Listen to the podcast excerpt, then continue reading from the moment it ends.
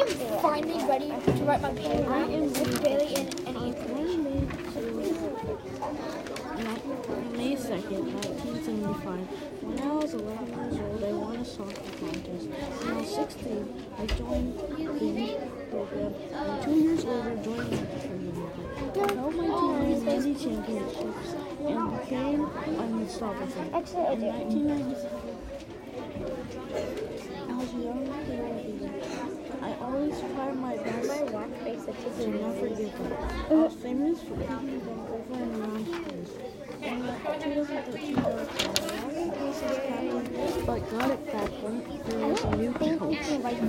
Last year, at my home stadium, they built a statue of him. I just finished. I'm, writing my